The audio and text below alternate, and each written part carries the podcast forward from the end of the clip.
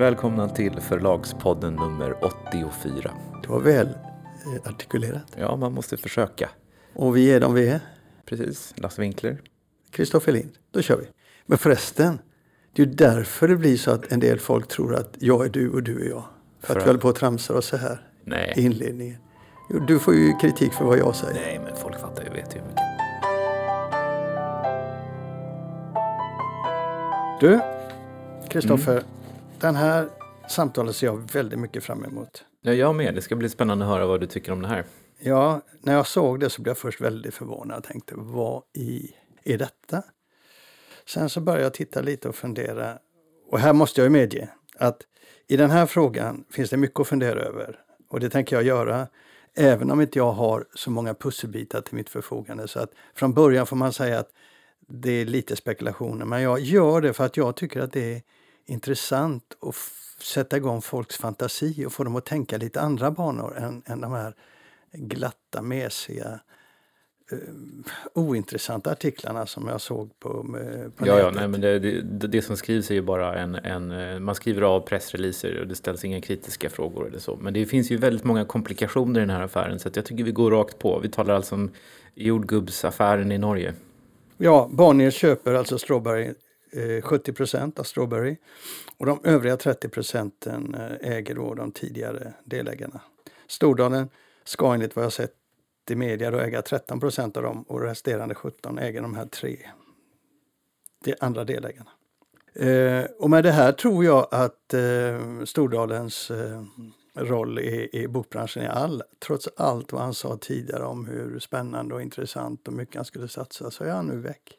Ja, det gick snabbt. Ja, där kan du eh, bara säga en kort grej innan du kommer in. Alltså jag misstänker att det finns en option längs vägen här där, man, eh, där Bonniers kan köpa resten av eh, aktierna i ett läge där de är mer värda så att det finns en premie för de som nu är kvar. Men också få låsa in dem i förlaget för de kommer behöva de människorna. Prissumman, den tänkte jag du skulle få fundera lite på. Den vi har sett. Det sägs att det kostar 250 miljoner. Ja, men det, det sägs att det kostar 250 miljoner och eh, så som jag har förstått det då så gjorde, så gjorde eh, Strawberry i Norge, de hade en omsättning på ungefär 100 miljoner och gjorde någon vinst på 8 eller någonting sånt förra året. Eh, Mm. Så det är ju en värdering som är helt orimlig. Men eh, eh, Håkan Rudel säger ju till Svensk Bokhandel att han inte har någon aning om varifrån den prissumman kommer. Eh, och eh, jag har hört lite olika eh, personer som tror att det säkert är Strawberry själva som har spritt ut den här informationen. Eh, men det är ingen som tror att de verkligen har betalat så mycket. Nej. Nej, vi har ju också hört att vi vet ju att de tidigare har spridit information om sin verksamhet som inte har varit helt korrekt eller sann. Nej, den har inte det. Jag kollade faktiskt upp det lite grann. Det är ju rätt anmärkningsvärt hur, hur, hur de har ljugit. När Bonnier köpte Strawberry Alltså, i Sverige och. Danmark så skrev man i ett pressmeddelande så här. Det är, ett, det är ett citat då som Stordalen säger i det här gemensamma pressmeddelandet. På mindre än ett år har våra anställda byggt upp, byggt upp en förlagsverksamhet som närmar sig 50 miljoner i omsättning och som är på väg mot en fördubbling 2021. Ja. Och när jag läste den här siffran så liksom jag vet ju, liksom, jag sitter ju på förlagssidan och inser att det här är bara inte möjligt. Men alla publicerade den här och förde den vidare. Boktugg gjorde det, Svenska bok, Svensk Bokhandel gjorde det, Breakit gjorde det, Realtid gjorde det, Expressen gjorde det. Um, jag har kollat upp lite fakta här faktiskt och Strawberry hade ju då första räkenskapsåret en omsättning på 4,78 miljoner i Sverige. Medan Bazaar hade en omsättning på 8 som de då hade köpt. Det blir totalt 12,78. Danmark kom ju inte igång förrän under våren så de kan ju knappt haft någon omsättning alls när han sa detta. Men även om du lägger på 10 miljoner så är det liksom inte ens hälften av 50 miljoner. Men alltså jag, det där är ju en typ av företagare som jag brukar uttrycka det så här att jag räknar alltid fingrarna när jag har skakat hand med den typen av företagare. För jag utgår alltid från att de, eh, de håller sig inte till eh, sanningen. De bara tittar Alltså det, är inte så, det, är inte så att de, det är inte så att de skarvar lite grann utan det är en total lögn alltså. Ja, men det är som man säger nu, att här, han har en väldigt optimistisk ton när han talar om den här affären och hur bra Bonniers är. Och så vet vi att han har gjort allt för att sänka Bonniers i ett tidigare läge. Så det är som det inte existerar för honom. Men skitsamma, det är inte det intressanta här nu. Det intressanta Nej, är... det är inte det intressanta. Det är Jo, intress- det, det är intressant utifrån hur kommer det här uppgiften om 250 miljoner. Jag tror att den, de har spritt den för att skapa lite mytbildning och för att ytterligare spä på bilden av deras enorma, gränslösa framgång. Ja, jo men så har de gjort hela tiden. Och så gör ju Stordalen, så det är bara att ta med en nypa salt.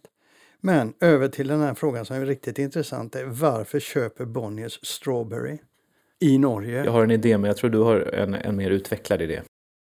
Vem börjar? Börjar du? Okej. Jo, alltså man ska ju veta att den norska marknaden är en liten marknad eh, relativt sett, även om de har omsättningar som liknar den svenska.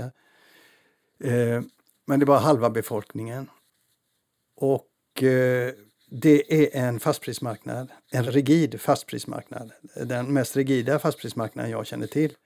Och den styrs av tre stora eh, förlag, förlag.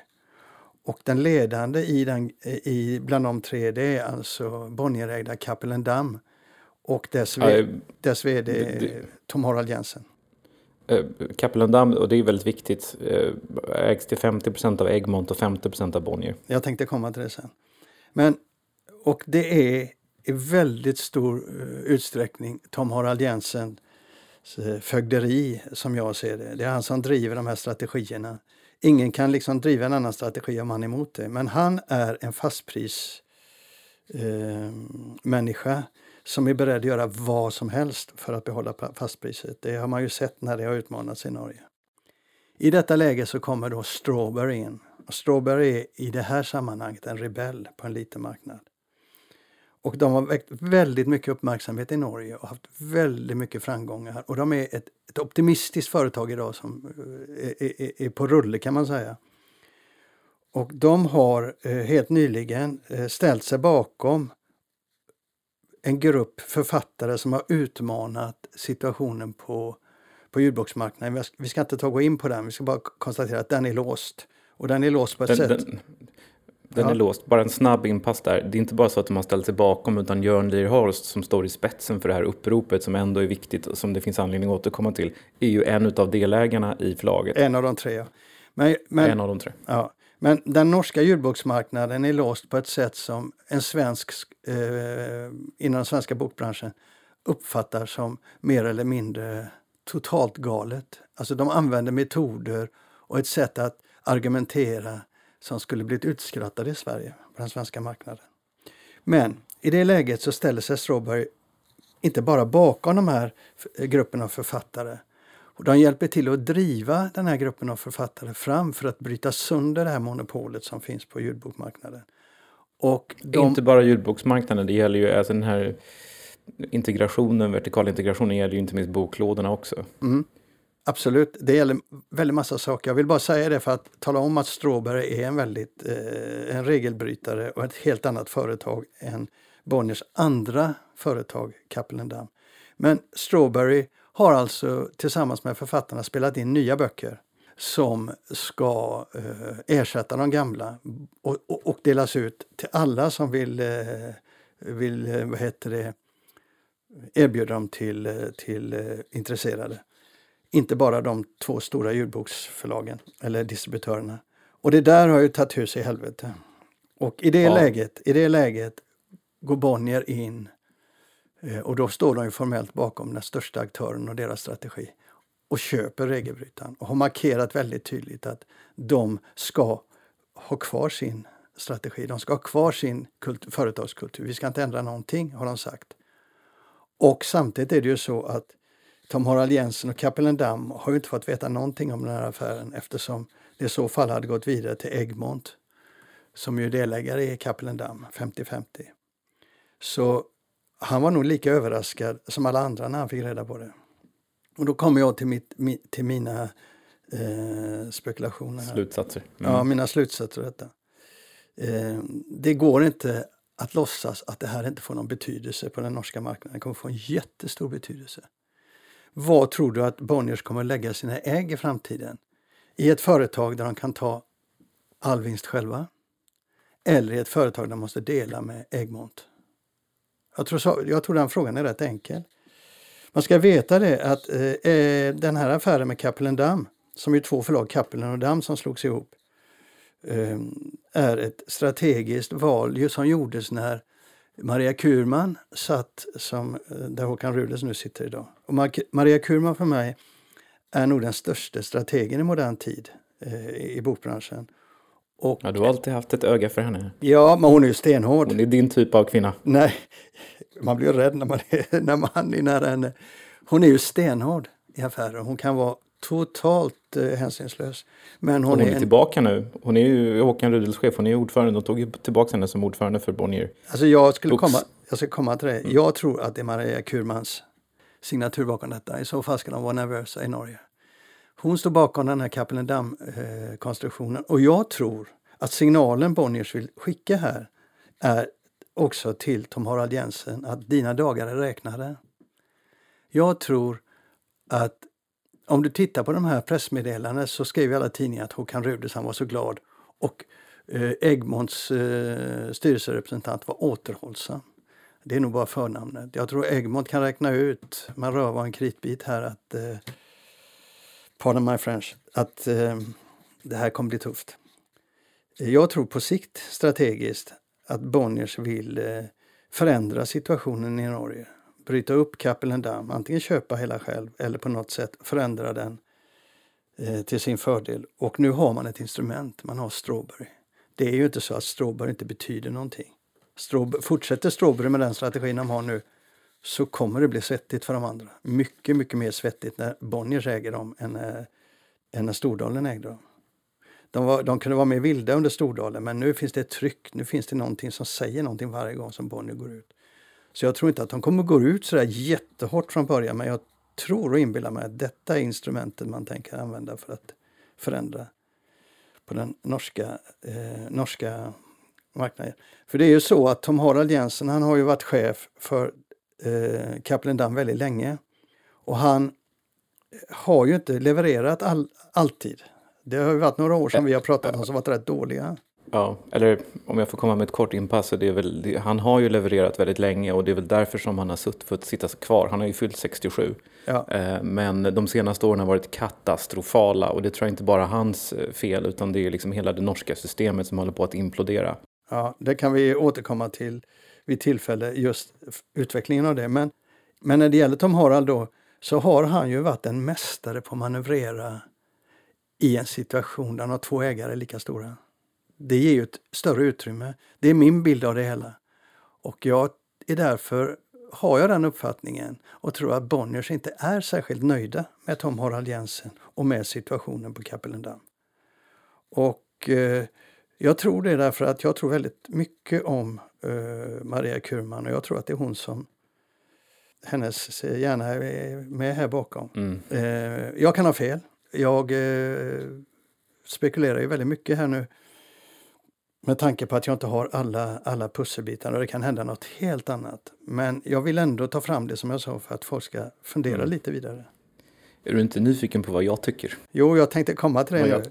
Jag fick andas ut nu för att säga det. Vad fan, jag var noga med att få ut mitt. Det fick jag utan att du sa något. Nu får du. Ja, jag höll mig. Nej, men för en gångs skull, Lasse Winkler, så tror jag att du faktiskt är helt rätt ute.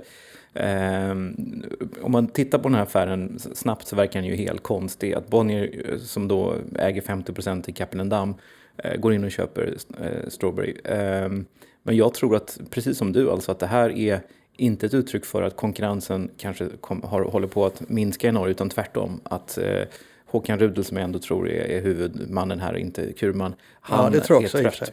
Mm. Han är trött på tröttmössorna på Kapellendam. Han är trött på patron Tom Harald Jensen. Och där är hans, eh, det är någonting som har gått fel där eftersom eh, han måste köpa Strawberry för att liksom röra om i Norge.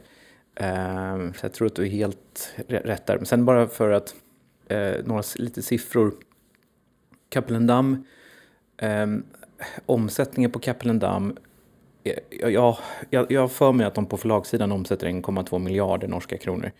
Eh, jag kan ha fel på det, men det är lite svårt att räkna på Kapellendam för de, har, de äger så himla mycket grejer. Lägger man ihop allt, liksom distribution och såna här saker, så tror jag att det är liksom betydligt mer än så. Men då ingår ju läromedel i, de där, i den mm. där omsättningen. Men det är ju alltså mer än vad Bonnierförlagen omsätter i Sverige. Då är Norge ett land med hälften så många invånare. Så att det är ju alltså ett jätteförlag. Mm. Ehm, så att hur man än vrider och vänder på det så, kommer ju, så är alltså Strawberry ett mycket litet förlag. Så att jag tror här handlar det snarare om att man vill röra om i Norge. Och på sikt så måste ju detta leda till ändrade ägarförhållanden i Kapellendam. Ehm, det är ju helt uppenbart att den här dansk svenska ägandet kanske inte har funkat. Alltså du har alltså en dansk ägare som äger lika mycket som den svenska ägaren och sen så har du en jättestark norsk chef som kör det här helt och hållet som om det vore hans eget bolag. Ehm, och det har ju funkat bra länge men de senaste åren har det inte gått längre. Samtidigt som hela det norska systemet med fastprisen och bokloven och bokavtalen håller på att knaka i fogarna. Ja. Bara, bara en en illustration till, till hur komplicerat det är. Du, du var inne lite på det här med ljudböckerna. Det, eh, man kan förtydliga lite grann och förklara lite för de som inte är riktigt insatta. Eh, Cappelen har alltså i Norge, Cappelen äger 50% av Storytel. Eh, det var förutsättningen för att Storytel skulle kunna etablera sig i Norge. Och eh, Cappelen, Dams ljudböcker finns eh, därför bara på Storytel. Och sen så finns det då en konkurrerande tjänst som heter Fabel och den ägs av Gyllendal Askehaug. Och deras böcker finns bara på Fabel.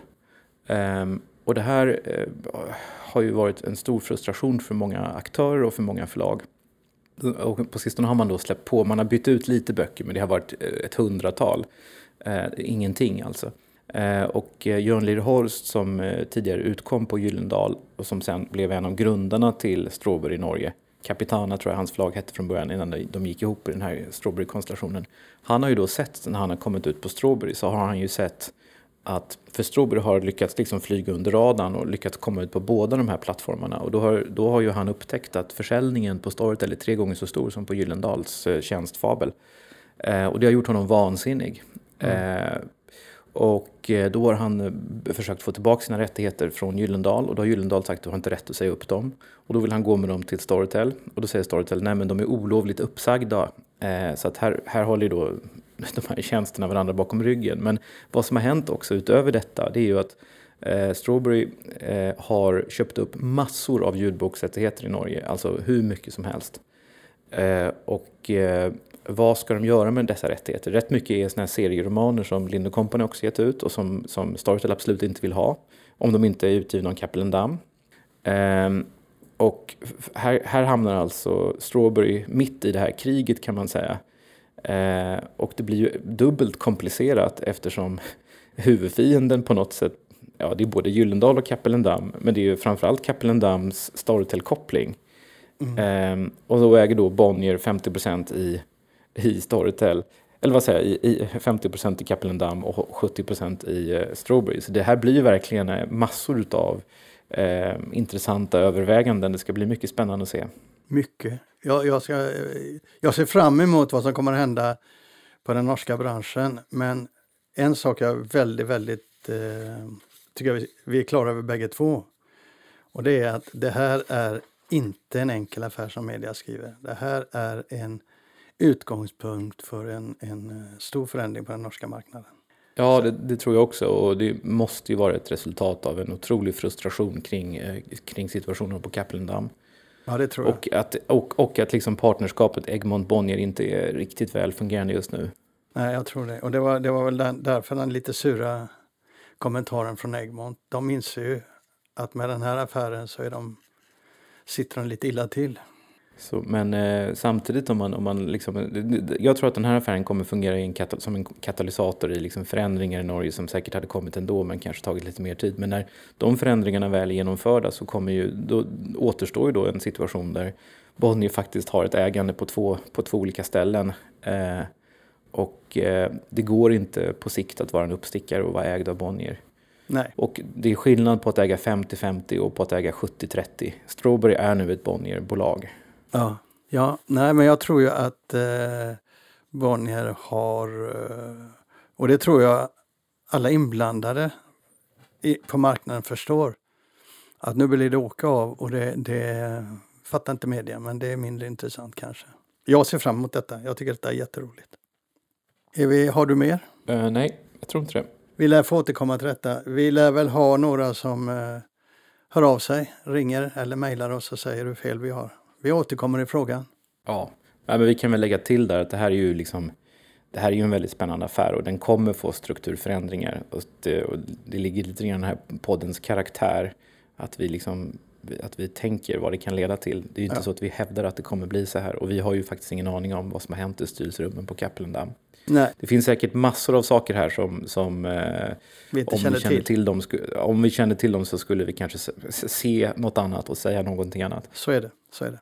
Men det var, som sagt, vi gjorde det här för att eh, visa på att det finns andra saker att tänka på än bara pressmeddelande. Mm, men det, om man skulle liksom föra över det här till svenska förhållanden.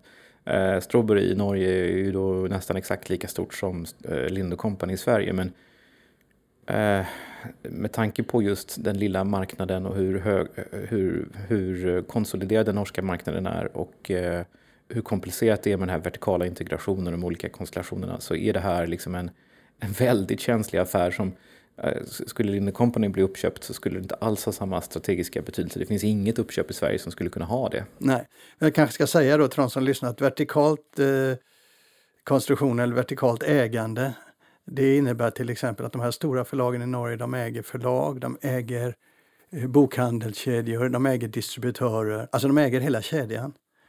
Och de har varit uppe, ja. de här eh, förlagen har ju varit uppe i, kon, eh, konkurrensverk, i kon, konkurrenstillsynet i Norge flera gånger.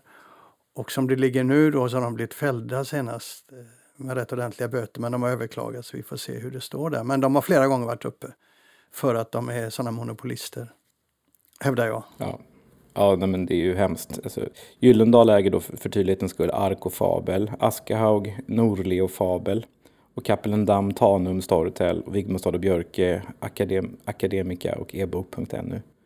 Mm. Ja, eh, nu, Vigmostad och Björke, de, de, var ett eget. De gick inte in i Kappelendam. Ja, det är en tredje, tredje grupp, men den är så otroligt mycket mindre. Ja, men pigg. Men där kan man ju bara som ett, som ett exempel på, det här är ett ganska bra exempel på hur låst det är i Norge och hur det här oligopolet fungerar i praktiken så kan man nog säga att eh, bara för att illustrera detta att ebook.no det är den tredje streamingtjänsten som finns i Norge. Den ägs av Vigmostad och Björke. Och eh, eh, problemet är då att de har inga böcker. Alltså de, de, har våra böcker, de har Strawberries böcker, de har lite små förlagsböcker. Men de får inte tillgång till eh, Kapellendams böcker. Kapellendam har väl 60-70% av alla ljudbokstitlar i Norge. Och det är mm. inte få titlar kan jag säga. Mm. Eh, då, säger, då säger de till ebook.no att vi kan, visst, ni får jättegärna eh, ha våra titlar, men då vill vi ha, nu hittar jag bara på en siffra, men den, den är ganska hög. Då vill vi ha 8 miljoner för att ni, för att ni ska få, få, få dem. Och så säger äh, Fabel då, Gyllendal Askahaug likadant. Åh, vad roligt att ni vill ha våra böcker. Då får ni betala 4 miljoner för att få dem. Mm. Och, och sen så kräver de då orimligt höga ersättningar per lyssning. Så att de stänger helt ute äh, konkurrensen från den tredje parten. Mm. Och det tror jag inte är någon hemlighet att det är flera svenska streamingtjänster som har varit på väg in och tittat på Norge. Både Bookbeat och Nextory har varit intresserade av Norge. Men det går inte att komma in på den norska marknaden för att de här två förlagsgrupperna eh, vägrar att leverera böcker. Eh, så det är ju, det är ju en eh, ur konkurrenssynpunkt eh, icke-fungerande marknad. Och mycket av det här har då eh, upphållits tack vare då, eller på grund av den här fastprisen som man hela tiden då ja, det ska, lutar sig mot. Ja, det är det man ska vara medveten om. Allt det här görs för att behålla fastpriset mm. på, på, den norska marknaden. Man är ju livrädda för mm. att de streamade böckerna ska ta marknad ja. från, från de lönsamma ja. fasta. Men fastprisen används hela tiden för att för, för försvara då den här vertikala integrationen. Det används för att försvara att man äger bokhandel och så vidare. Mm. Och, då, och då har man liksom lyckats få hela Norge att samla sig bakom den här fastprisen för att man menar på att det är det som gör att man i Norge har en sån fin bredd och så bra utgivning och sådär. Och det är delvis sant. Det har ju varit så. Norge har en väldigt fin bredd. Eh, men priset har ju blivit de här monopolbolagen. Mm. Alltså jag är ju personligen är ju för fastpris i situationer när det, eh, när det ser ut som det gör i världen idag. Och jag tyckte att den norska marknaden varit väldigt rolig med, med, med den bredden och det utbudet och så många bokhandlare. Men i slutändan så tycker jag att det är, nej, inte den norska modellen för den är så jädra ful. Så att jag gillar inte den norska fastprismodellen. Jag tycker den, den har till varje pris hållits upp med fula metoder. Och jag gillar inte det. Mm. Och jag vet ju, jag har ju ibland skojat med dem. Eh, när jag jobbade på Svensk Bokhandel så sa jag, jag ska öppna bokhandel i Strömstad, sa jag till en av de stora cheferna. Han reste sig, jag gjorde en intervju med honom. Och så ska jag sälja norska böcker eh, med fria priser. Och det var ju efter intervjun var klar, jag skulle bara skoja med honom. Han reste sig upp och skällde ut mig efter noter och jag bara satt där och gapade och undrade, men vänta lite. Humor någon? Han fattar ja, det är inte. jätteroligt. Det är jätteroligt, men, men, men du, vet, du skulle inte i praktiken klara det därför att eh, de skulle leveransvägra. Ja, exakt. Eh, exakt. Eh, skulle leveransvägra, sen skulle Kapellen ringa till Gyllendal, sen skulle ringa till Askehaug och sen, ja. och sen så skulle de få med sig Vigmostad och Björke och sen skulle du bara stå där med Juritsen och eh, Kagge och Strawberrys böcker. Och det, Nej, och det är så, är det, det funkar. Så, det tror jag också att det är så. Men jag också, jag har också märkt det när jag har pratat med Tom Harald vid ett tillfälle i Frankfurt. Tom Harald Jensen ska jag säga i Frankfurt. Han blev också väldigt arg när vi pratar om fria priser. Och, och, eh, alltså det är känslomässigt en väldigt, väldigt viktig fråga för de här människorna. Och jag pratar med andra människor som jag högaktar på den norska bokmarknaden. De blir lika förbannade de. Liksom det, det går inte att prata. Nej. Så här, men därför blir det intressant att se om Bonnier lyckas. Om de har det, den ambitionen som vi pratar om. Det är inte säkert, men jag tror det. Nej, det kan ju vara så enkelt att de bara tycker att det här är en spännande affär. Eh, det, det tror inte jag, men det kan ju vara så. Ja. Eh, det verkar ju också vara så att Håkan Rudolf har en idé om att han ska, måste inte alltid äga helt ut och att man ska liksom testa sig fram med lite satelliter. Alltså, svenska Storytel får fortsätta i alla fall tills vidare som, som ett självständigt förlag på stan och eh, man har liksom romanusförsäljning för ett, som ett sätt att liksom hitta någon liksom mindre enhet i en större organisation. Vad sa du nu, svenska Storytel? Sa jag det? Jag menar ja. Romanus och Selling sa jag, tänkte jag säga. Ja, men du sa svenska sa, Nej, förlåt. Svenska Strawberry menade jag ju. Ja, svenska det. Strawberry liksom är, får vara ja. som en e- eget förlag och sen så Romanus och Selling är liksom en egen liten enhet. Så det, det verkar finnas någon slags satellittänk. Mm. Och svenska eh, och Strawberry är, mycket... är då Bazaar? Ja, precis. Mm. Ska vi släppa det här nu? Det blir långt. Ja, det gör vi. Mm. Ja, det blir 27 minuter. Det blir långt. Du får se om du behöver klippa i det. Nej, ja, vi kör hela. Och då tar vi, gör vi lite kortare då. Eh, vi såg någonting i tidningarna om att Amazon inte går så bra i Sverige. Nej, så var det väl inte, men det var i, i, dagens Dagens Industri så var det en artikel som handlade om att Amazons lansering har liksom bidde ingenting. Liksom, alla trodde att det skulle komma in som en stormvind och förändra, förändra världen och alla trodde att det skulle bli en prispress som vi aldrig någonsin hade sett maken till och eh, hittills så har då ingenting hänt. Jo, det har hänt en massa, men väldigt mycket förvånande grejer. Alltså. Jo, jo, jo, jo, men just, just på denna punkt så har, har eh, Amazon överraskat oss genom att faktiskt inte än så länge pris, eh, köra med någon prispress. Det ger mig en, en naturlig övergång här då och berätta för våra lyssnare att vi, vi, vi, testade ju och köpte böcker och det redovisade vi eh, i ett tidigare avsnitt där vi köpte böcker från fyra stycken nätbokhandlare inklusive Amazon. Sen gick jag vidare och gjorde ytterligare ett test och köpte, beställde två böcker var av Amazon. Ja, jag kommer till det. Två böcker var av Amazon, Adlibris och Bokus någon vecka senare. Och då valde jag samma bok eh, såklart. Jag, jag valde Tove Alsterdals nya Rotvälta, som är din bok, er bok. Mm. Mest för att den låg på förlagssystem. Och Charlie Mackays Pojken, Mullvaden, Räven och Hästen, en internationell bästsäljare som Forum precis har gett ut. Och som ligger på... du budgivningen på den? Ja, vad synd. Jag älskar den boken. Vad synd. Tycker du? Okay. Ja, och, och, den ligger på Speed Logistics, eh, den boken. För att få bök två böcker från de två största distributionsanläggningarna i Sverige. Jag beställde alltså oh. samtliga böcker den 2 november. Och vi fick bekräftelsemail från alla inblandade samma dag. Bokus skickade besked om att boken Rotvälta lämnat dem den 3 november, alltså dagen efter. Och jag fick den fjärde levererat direkt hem. Jag testade då snabbleveransen där, du vet man betalar några kronor extra. Den andra boken jag beställde, då, Mackays bok, då fick jag meddelande om att den var på väg den 4 november, alltså två dagar senare efter beställningen. Och den 6 november, ytterligare två dagar senare, anlände den till, min, eh, till mitt postuthämtningsställe. Adlibris meddelade dagen efter beställningen att de hade skickat Mackays bok. Alltså en dag tidigare än, än eh, Bokus. Eh, och den tog tre dagar på sig innan Postnord levererade den. Jag ska återkomma till det sen. Så jag, jag fick den 6 november. Och den 4 november meddelade de att Rotvälta var skickad. Och då ska man veta att när, när, när eh, Alibris och Bokus meddelar att en bok är skickad då är det inte längre deras ansvar utan då är det eh, Postnord eller eh, vilka det är som, som bär den hem till mig. Eh, och, så de meddelade att den skickade den 4 november, två dagar efter beställningen. Och sen var det Postnords ansvar och det har inte de klarat för idag är den 20 november och jag har inte sett röken av boken. Eh, Vilken var detta? Det, Rotvälta. Som du, som du beställde från? Från Adlibris. Och du har fortfarande inte sett röken av den? Nej, men det har aldrig hänt med en Adlibris-beställning mig. Det, så det är något unikt. Men som sagt, 18 dagar senare har de inte levererat boken.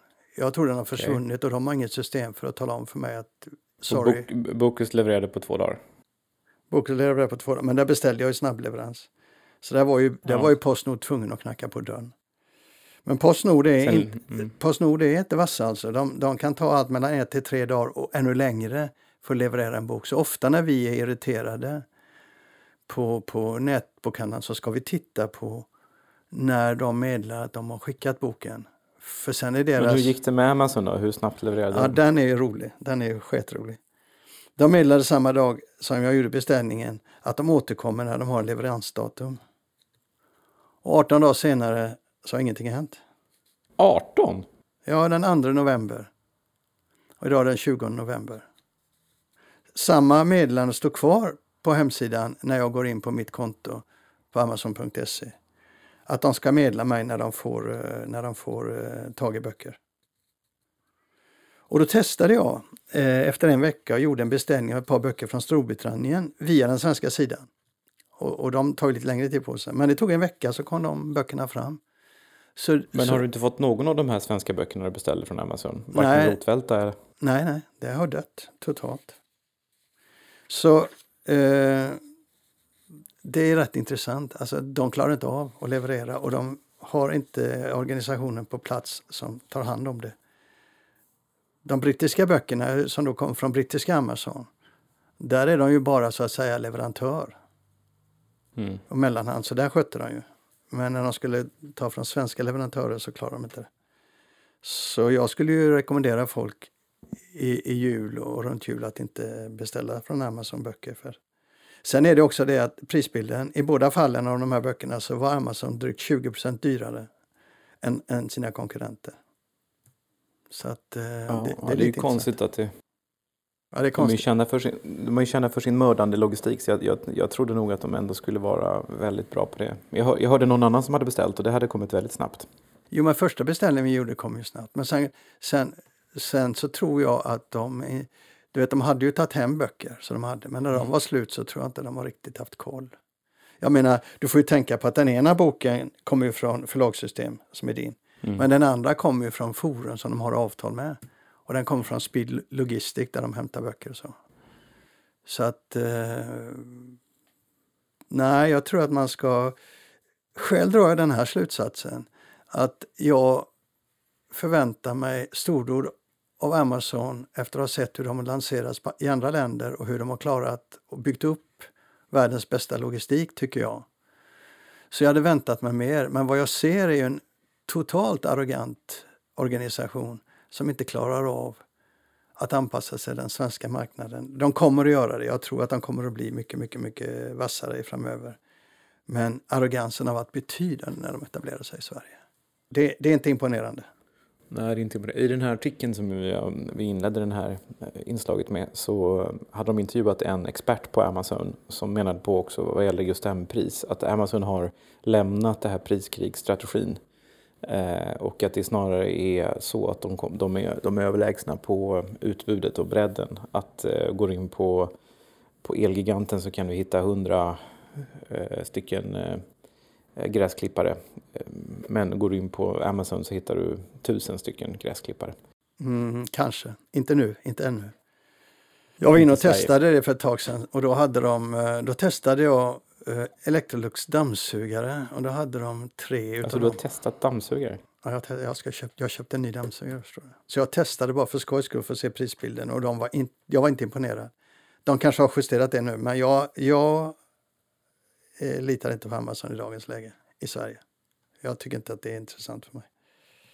Men, men det är jag. Men sen ska jag bara säga så här att det där med snabba leveranser, jag tycker inte det är så intressant. vi pratar om det här nu men jag vill ändå ha, ha det till protokollet att jag tycker det är skit med allt detta jagande per dagar och så. Eh, jag tycker att no, Postnord sköt sig väldigt illa eh, och det gillar inte jag. Men eh, jag tycker inte det är så intressant om, om, om det tar några dagar extra från eh, nätbokhandlare. Nej, men det är nog är det väl skillnad om man får en bok på två dagar eller man eh, får vänta två veckor som du har fått göra. Ja, ja, nej men nu tänkte inte jag så. Jag tänkte två dagar eller en vecka, det spelar inte mig så stor roll. Men det är också jag. Sen ska jag bara säga det att i samband med att vi hade ett inslag om prisskillnaderna, eh, där jag hade fem böcker som jag pratade om och sa att Bokus var, var billigast, så ringde, eller hörde såklart Adlibris försäljningschef Zachary Lovio av sig. Eh, han hörde av sig till oss och eh, då pratade han och jag i telefon och det var ett jätteintressant samtal om hur Adlibris arbetar med prisbevakning. Men han hörde av sig för att du hade fel? Han tycker att jag hade fel. Jag ska ta upp det, men inte nu för det hinner vi inte. Utan vi tar det i nästa avsnitt.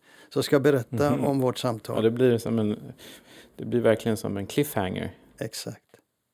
Han, han hade väldigt mycket roligt att säga. Så det, det vill jag gärna berätta. Eh, och så ska jag ta upp det vad han tyckte att jag hade fel. Jag tycker inte det, men, men eh, han har ju mer sakkunskap. Så vi får ta det i nästa avsnitt. Det är en bagatell i sig. Eh, Okej, okay, då går vi vidare. Mm. Du, en, en, en fråga som jag vill ta upp det är att numera finns det en topplista. Eh, och topplistor är kanske inte alla så intresserade av. Men det finns en topplista i Sverige som är mer eh, stringent eller mer eh, exakt än den normala topplistan. Och den kallas för verktoppslista. Mm. Och eh, Bokhandlarföreningen och Förläggarföreningen ger ut en i varje kvartal för man kan inte få fram de uppgifterna fortare än så. Och en verktoppslista den innehåller försäljningen i fysisk bokhandel, dagligvaruhandel, internet och bokklubb och i eh, streamingtjänsterna eh, ihop. Och som de ser ut idag så fördelar man procentuellt hur mycket en författare säljer de olika kanalerna och också hur mycket förlagen tar in i varje kanal procentuellt. Jag tycker att det där är otroligt intressant och jag funderar, jag tycker det är den mest rättvisa topplistan när det gäller eh, en författares popularitet eh, när man tänker på volymen då. Kronor och så det är för förlagen att titta på och för författaren. Men volymen blir intressant för mig. Därför att tidigare så ser man inte den typen av topplista som man fattar vem är det egentligen som är mest läst och lyssnad på. Men det gör man mm. här. Vad kan de här listorna säga oss om framtiden? Och här är jag kanske lite ute på lite svag is, men lyssna ska du få höra. Jag ser ju till exempel att vissa författarskap eh, som man inte tänker sig, och det är deckare jag tänker i första hand, är extremt stora på lyssning på den här topplistan som visar de 20 mest eh, lyssnade och sålda författarna tredje kvartalet. Eh, Medan andra deckarförfattare inte har så stor eh, del av sin... sin eh, kan du ta några exempel? Ja. Om du tittar till exempel på, på Jan Guillou då, så har han mm. 38 procent utav hans eh, lyssnare läsare får han via streamingtjänsten. Medan Sofie Sarenbrant då får 85,5 procent av sina lyssnare och läsare via streamingtjänster. Så hon är ju, hon är ju synlig i bokhandeln men hon är inte lika tung för bokhandeln som Jan Guillou är eh, i slutändan när det gäller sålda ex och så. Ja, det, det, finns ju flera förklaringar men jag skulle ju säga att det beror på att han har en äldre läsarkrets. Eh, han har ett författarskap som var stort långt innan eh, streamingtjänsterna ens kom, liksom, kom, innan någon ens tänkte på att de skulle kunna existera. Så mm. han ligger ju fortfarande ganska högt eh, med, med fysiska, fysiska böcker. Sen kan det bero på vilken typ av böcker han skriver men jag skulle säga att det är huvudanledningen. Det är samma sak med Björn Hellberg, han säljer ju väldigt mycket fortfarande fysiska böcker. Men, men, men, men vad, jag, vad jag är ute efter här till, är till exempel att eh, författare som eh, Katarina Wenstam, Camilla Läckberg, eh, Marie Ljungstedt, de är stora på streaming, jättestora på streaming och har, och har absolut sin majoritet av lyssnare och läsare. De har, de, har alltså van, där, de har alltså vandrat över i väldigt stor utsträckning, de är storsäljare också fysiskt, men de har vandrat över i stor utsträckning till eh, strömmande tjänsterna. Mm. Medans Men det är väl inget konstigt. Nej, det är, ing- konstigt. Det är, nej, det är, ju, det är, men det är ju bland de bästsäljande författarna som Men kanalförskjutningen har varit lyssna störst. på mig då, lyssna färdigt. Mm. Karin Smirnoff då exempelvis. Hon har inte lika mycket eh, procentuell fördelning över på, på, eh, på strömmande tjänsterna. Eh, och det är rätt intressant. Och inte heller Håkan, Håkan eh, Nesser eller Tara Westover som jag har sagt tidigare att jag tycker är årets bästa bok för mig. Eh, Ja. De är inte alls lika stora. Vad är, skulle du då dra för slutsatser? Vad är det för skillnad mellan Wenstam, Läckberg, Ljungstedt å ena sidan och Smirnoff, Nesser och Westover å andra sidan? vad kan bokhandeln förstå av sådana här eh, topplistor? Eh, vilka författarskap de, de kanske ska satsa extra på för att de är, eh, säljer mer Mm. i, i fysisk Där tycker form. in, där tycker det tycker jag är intressant. Att man kan tänka sig att vissa författarskap är bokhandelsförfattarskap. Eh, Det är, det, är en, det är en fin idé faktiskt, en bra tanke. Mm. Ja, Jag vet inte hur långt man kan gå i dagens läge av de här verktopplistorna. Utan med tiden så tror jag man kan läsa ut det. Två saker då. Det är hur den verkliga försäljningslistorna ser ut. Vad, vad svenska folket läser och lyssnar på. Det ser man bäst på de här verktoppslistorna. Mm. Och sen det andra är att man kanske kan se vilka författare som är stora vilka kanaler. Vilket gör att de här kanalerna kan satsa mer på det. Så, så tänker jag. Och därför så, Mm. man kan gå in och se de här på Svenska Förläggareföreningens och Svenska Ja, nej, men det är, det är väldigt intressant. Och, och de, här, de här listorna visar ju hur branschen har fullständigt revolu- revolutionerats, förändrats radikalt. Mm. Det finns, det finns eh, fällor i de här listorna också som jag inte tar upp här. Men eh, när man försöker bedöma vad som säljer och inte säljer. Men det är extremt intressant. Vi lär oss mycket mer idag av vad som verkligen fungerar och inte fungerar med de här listorna. Och det är inte de listorna ni ser när ni ser på, eh, på topplistorna i Svensk Bokhandel eller andra media. Okej? Det var bara Mm. så. Ja. Ett par saker innan vi slutar.